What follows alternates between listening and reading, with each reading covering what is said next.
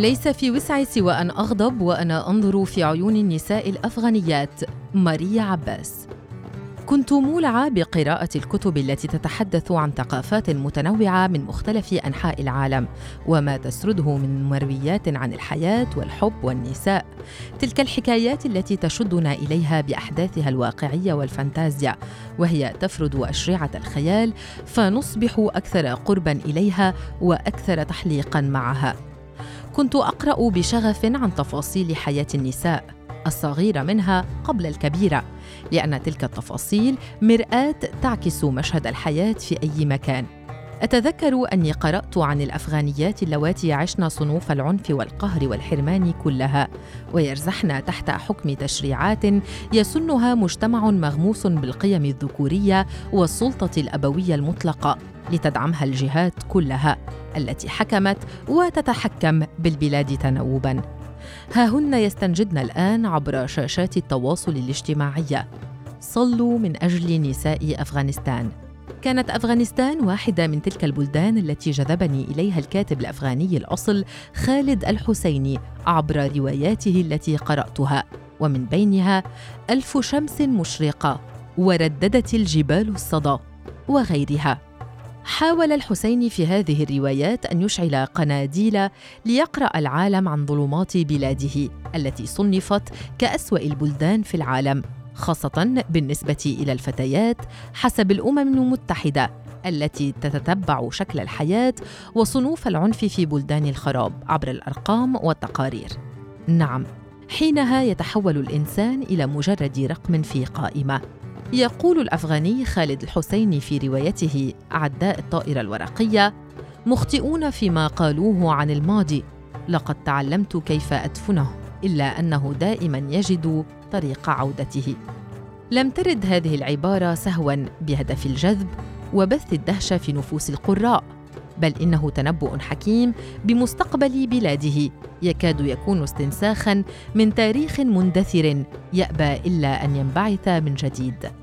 لا تكاد أفغانستان ترى بصيصا من النور لتسقط مجددا في نفق مظلم ما يحدث مؤخرا هناك هو لعنة أيديولوجيا تلاحق الحياة المنهكة تماما وعقود طويلة من النزاعات والتبعية والجهل والتخلف والقمع وشروط كافية لتكون بيئة يستبد فيها هؤلاء. وها هي تيسر لطالبان الطريق وتقدم لها الولاء وتمنحها مفاتيح الحكم على طبق من ذهب. قد يتساءل البعض لماذا هذا الاهتمام كله في وسائل التواصل الاجتماعي والقنوات التلفزيونية بما يحدث في أفغانستان بعد أن قررت الولايات المتحدة الأمريكية سحب قواتها العسكرية من كابول.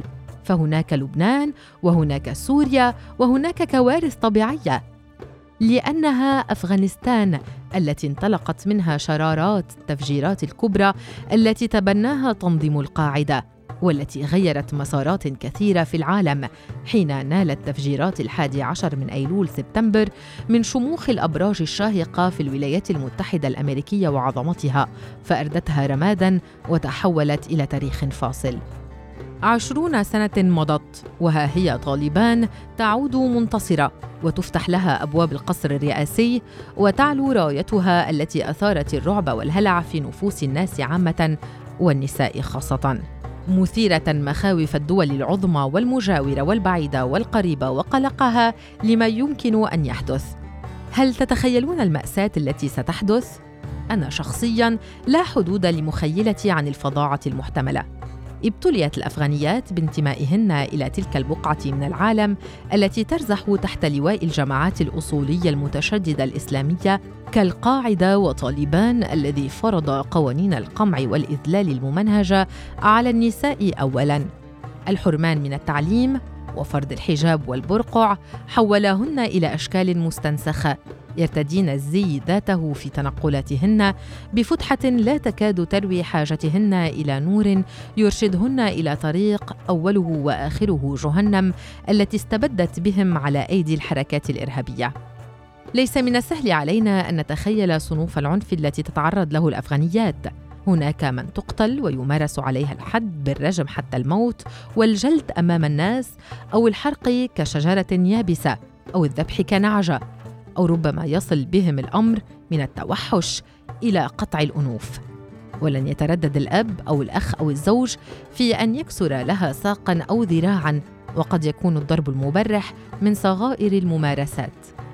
قرأت مرة عن نوع غريب من الممارسات اللا إنسانية في أفغانستان وهي عادة قديمة تسمى بلغتهم البشابوش.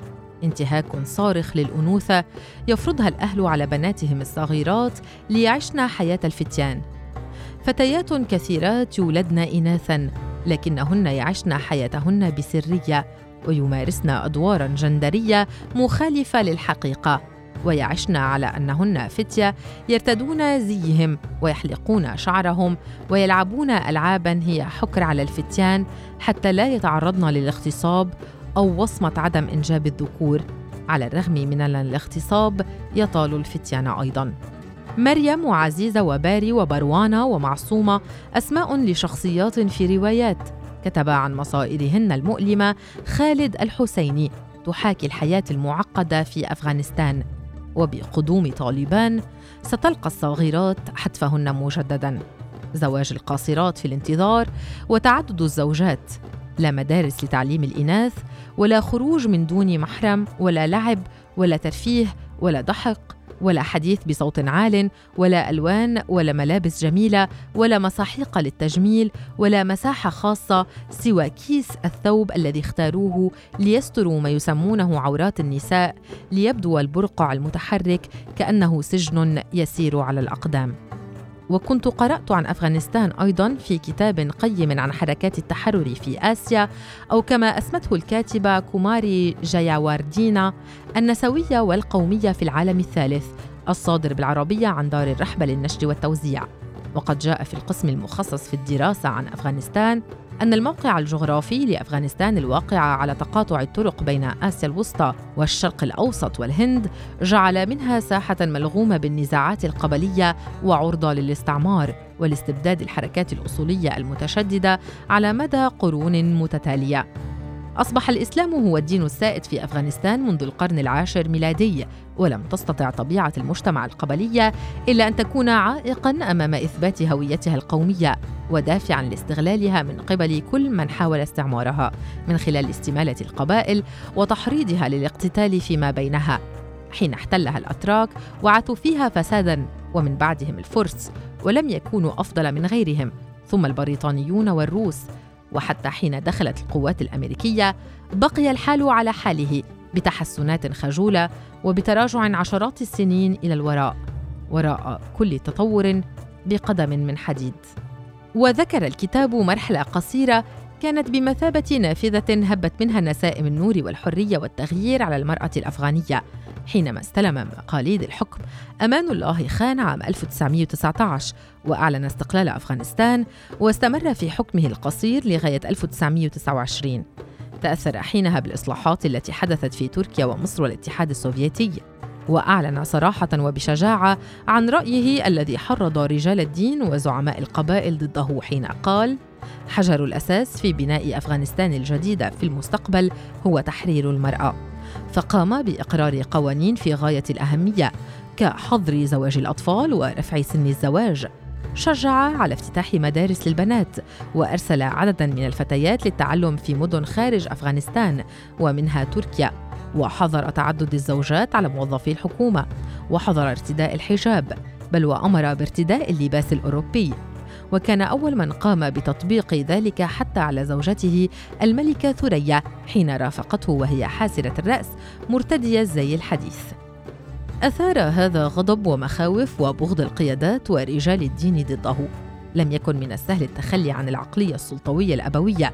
فهؤلاء رأوا النساء مجرد ممتلكات خاصة وأدوات للمتعة والإنجاب ورعاية المنزل.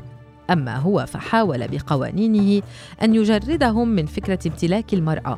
لم يدم ذلك طويلا فانقلبوا على حكمه ونفوه من البلاد وعادت أفغانستان إلى حضن الوحوش التي استبدت بالناس والنساء تماما كما يحدث الآن وعلى الرغم من مرور ما يقارب مئة عام.